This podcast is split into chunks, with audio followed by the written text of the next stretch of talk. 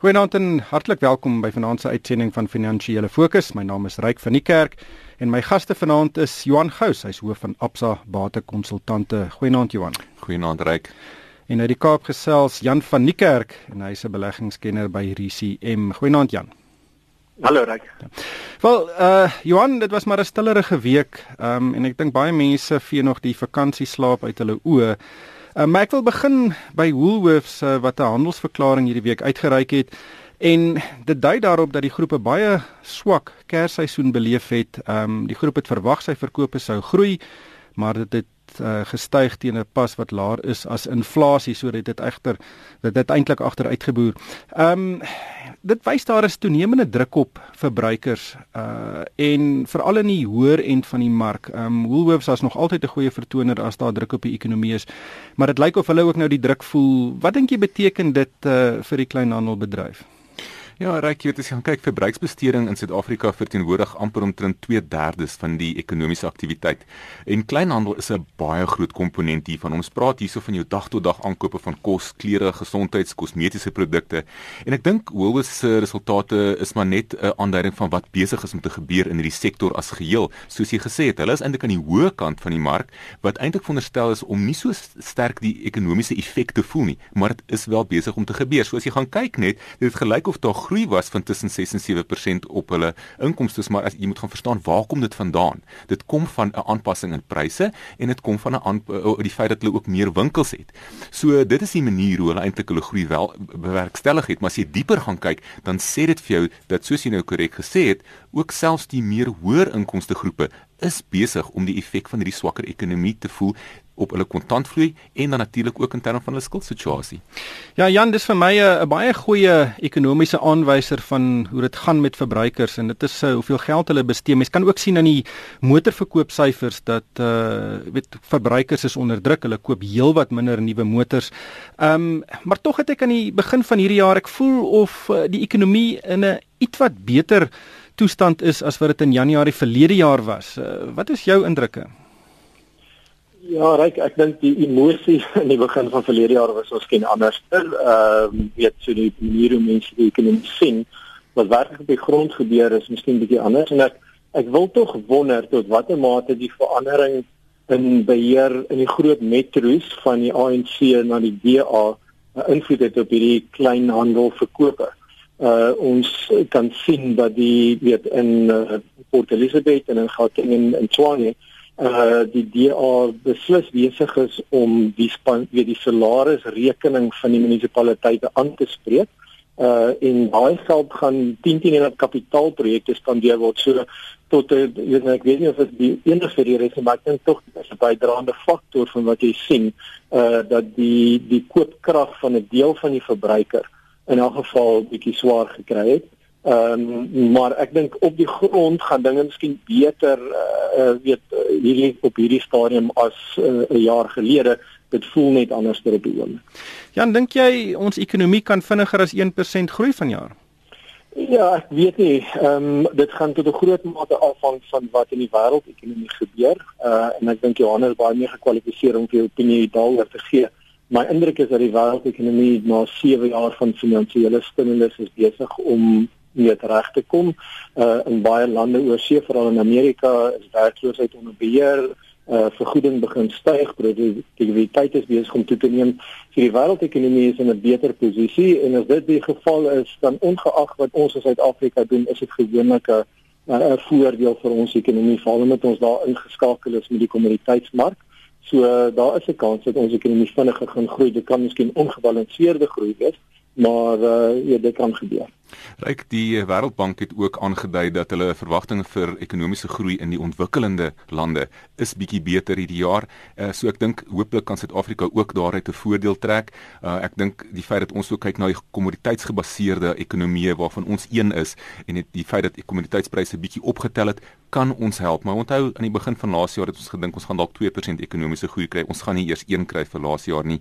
Hierdie jaar 1%. Ek dink as ons dit kan regkry, hooplik is dit die basis vir verdere groei, maar die feit is ons is nog nie naby ons uh, vermoë of ons potensiaal in terme van ekonomiese groei in hierdie land nie.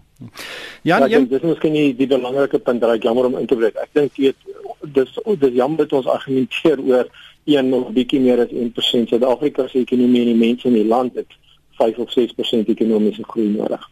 Maar hoe lank dink jy gaan dit neem voor ons daar uitkom? Uh nee, so die ding op die oomblik aangaan lyk dit uh, baie moeilik. Uh, in die laaste 15 jaar het ons net hier in die hoogtepunt van die kommoditeitssiklus uh weet vir 'n paar kwartaale teen weet omtrent 5% per jaar gegroei het as in 2006 2007 se kant. So daar's baie strukturele probleme wat ons moet regkry. Ryk ek dink daar is een belangrike komponent wat baie nodig is om hierdie ekonomie weer op hoër vlakke te te kry in terme van groei en dit gaan oor die feit van vertroue. En ons praat van verbruiksvertroue en besigheidsvertroue en tot ons nie daardie vertroue begin terugkry nie en dit is een van die redes hoekom ons hierdie syfers van Woolworths en dan ook vertroue is wat uitgekom het met swakker syfers. Uh dit is die rede die mense voel nie op hierdie stand gemaklik om meer skuld aan te gaan of meer te spandeer en dan spesifiek jou luukse goedere en miskien meer aan jou motorvoertuie nie want hulle weet nie of hulle kan bekostig om nog verdere skuld aan te gaan nie en hulle weet nie of hulle inkomste gaan verhoog nie. En aan die besigheid aan die ander kant, die omgewing wat ons hierso insit is 'n redelike onstabiele een. Ons praat van politiek weer eens. Daar is nog steeds baie geraas in die stelsel en hulle is nie seker tot watter mate wil hulle graag hulle kapasiteit in Suid-Afrika uitbrei nie. En daarom kyk hulle meer in die buiteland. Jan, jy het net nou gesels van die rol wat Amerika kan speel in die wêreld se se ekonomiese groei prestasie vir 2017. Ehm um, Donald Trump is natuurlik uh, 'n uh, baie interessante weet skakel in daai ketting. Ehm um, hy het hierdie week 'n perskonferensie gehou. Baie mense het nie daarvan gehou nie. Ehm um, as mens nou verby die die uh individu kyk um, en as hy eerder na sy boodskap kyk, is ek nogal bekommerd oor sy opmerkings dat hy handelsooreenkomste dramaties wil verander tussen Amerika en en veral uh, China en Mexiko. Nou Mexiko is natuurlik seker nou nie so belangrik nie, maar veral met China wat vir ons 'n baie groot bondgenoot is. Uh, Dink jy daar's enige uitkring impak op Suid-Afrika indien uh, hy hierdie uh, weet ooreenkomste heronderhandel? Ja, dink die die boodskap agter die boodskap is uh, Donald Trump is 'n onderhandelaar, hy is 'n dealmaker. Ehm um, en ek dink deel van uh, wat hy doen is om die wêreld voor te berei dat hy op pad is om vir Amerika beter transaksies te probeer sluit. Uh wat dit beteken is dat baie ander mense, ander Amerikaanse onderhandelaars sentiment uh dan die vryheid voel om ook op so 'n manier op te tree. So ons kan teen teen 'n periode sien waar Amerika en Amerikaanse besigheid en politici baie meer aggressief onderhandel in die res van die wêreld en uh, dis moeilik om te weet weet hoe, hoe dit gaan uitkring. Uh, ek is nie heeltemal seker dat dit 'n negatiewe sou vir Suid-Afrika is nie. Ek dink sy manier van optree kan soos uh, Adam Smith gesê het, the animal spirits in die markte losmaak en ook in besigheid en ek dink hy bring vir vertroue in 'n deel van die Amerikaanse samelewing wat ek en jy miskien nie saamstem nie, maar soos Johan voorheen gewys het, dit vertroue is baie belangrik vir die ekonomie. Uh en ek dink op die ou end kan die balans vir 'n tyd lank positief wees.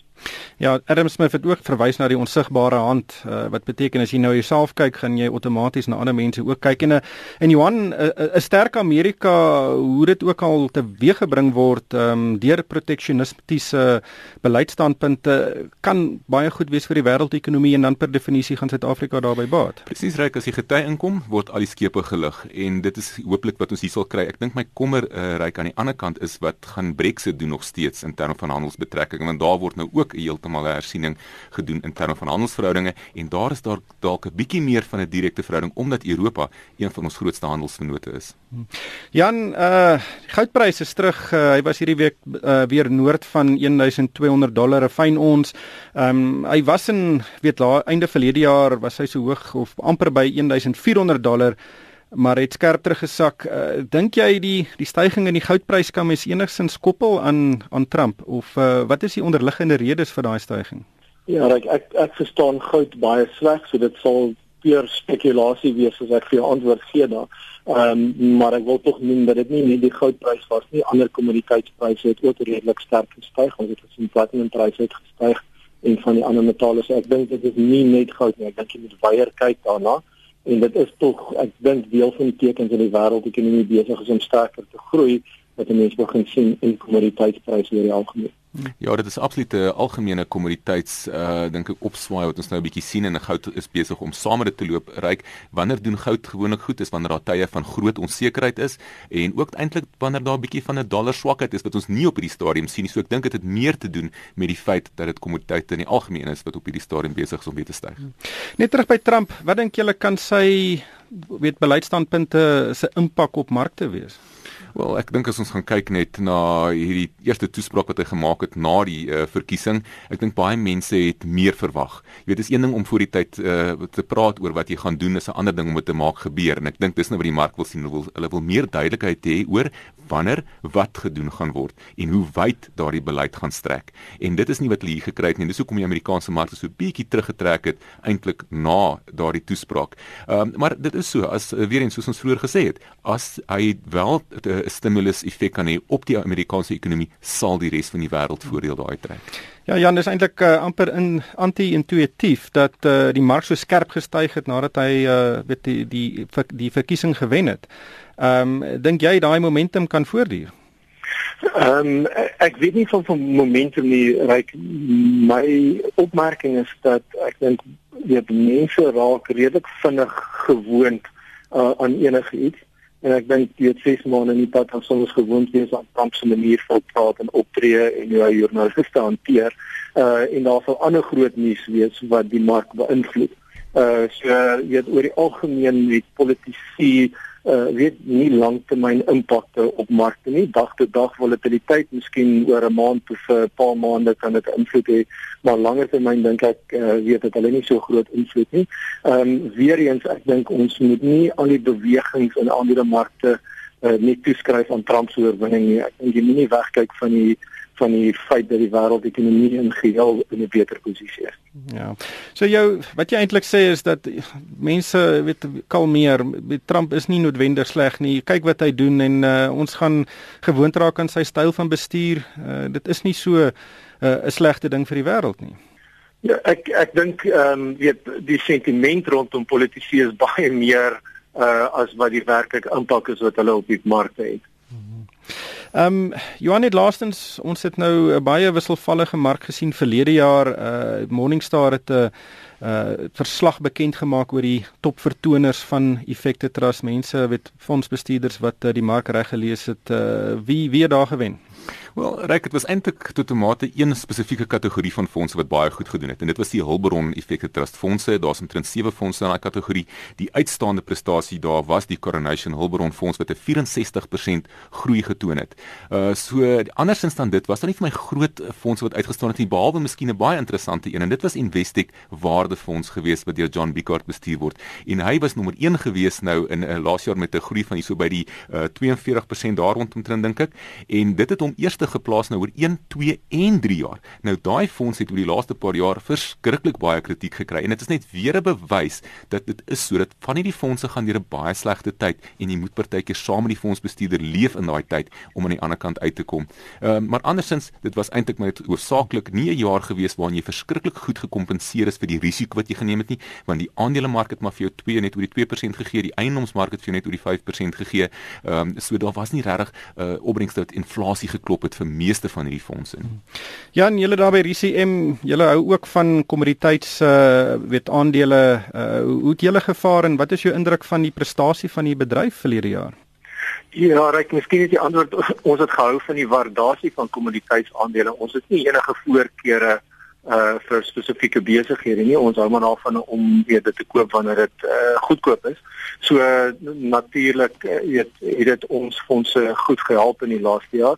Ehm um, ek dink die die opmerking of die indruk wat ek het is dat um, 'n groot deel van die bedryf belê baie dieselfde. So as ek kyk na die opbrengste oor die tyd uh word baie van die fondse se opbrengste is weet in saamgegroepeer in 'n nou band van opbrengste.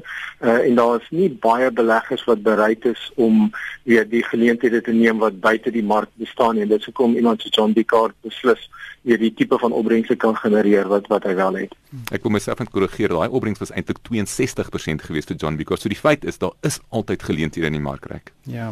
Net laastens uh Johan die Davos uh vergadering van die Wêreldekonomiese Forum vind uh, hierdie week plaas.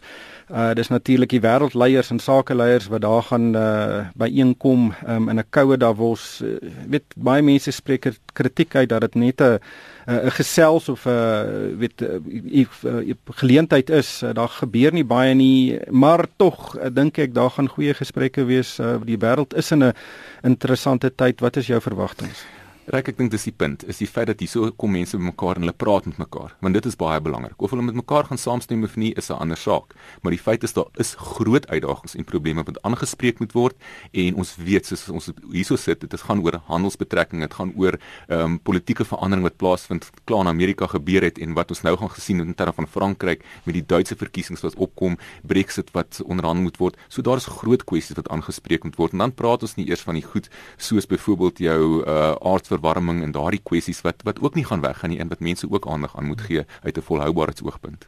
Ja, Jan, Suid-Afrika stuur weer 'n baie groot delegasie, weet baie mense fokus meer op die koste wat dit uh hoe duur dit is om om Davos toe te gaan. Ehm um, en en hopelik kan die span dan 'n bietjie van die beleggersvertroue herstel ehm um, en Suid-Afrika op die op die kaart plaas. Ja, as as jy dit op die regte manier doen, ryk is uh, so by inkomste moeite werd. Uh, ek dink die vraag in die agterkop van Suid-Afrikaners is of ons delegasie weet gaan om dit vir die regte manier te doen. Uh maar ek dink dit is nie moeite werd om so iets by te woon. Miskien het jy nie nodig om soveel mense te stuur nie.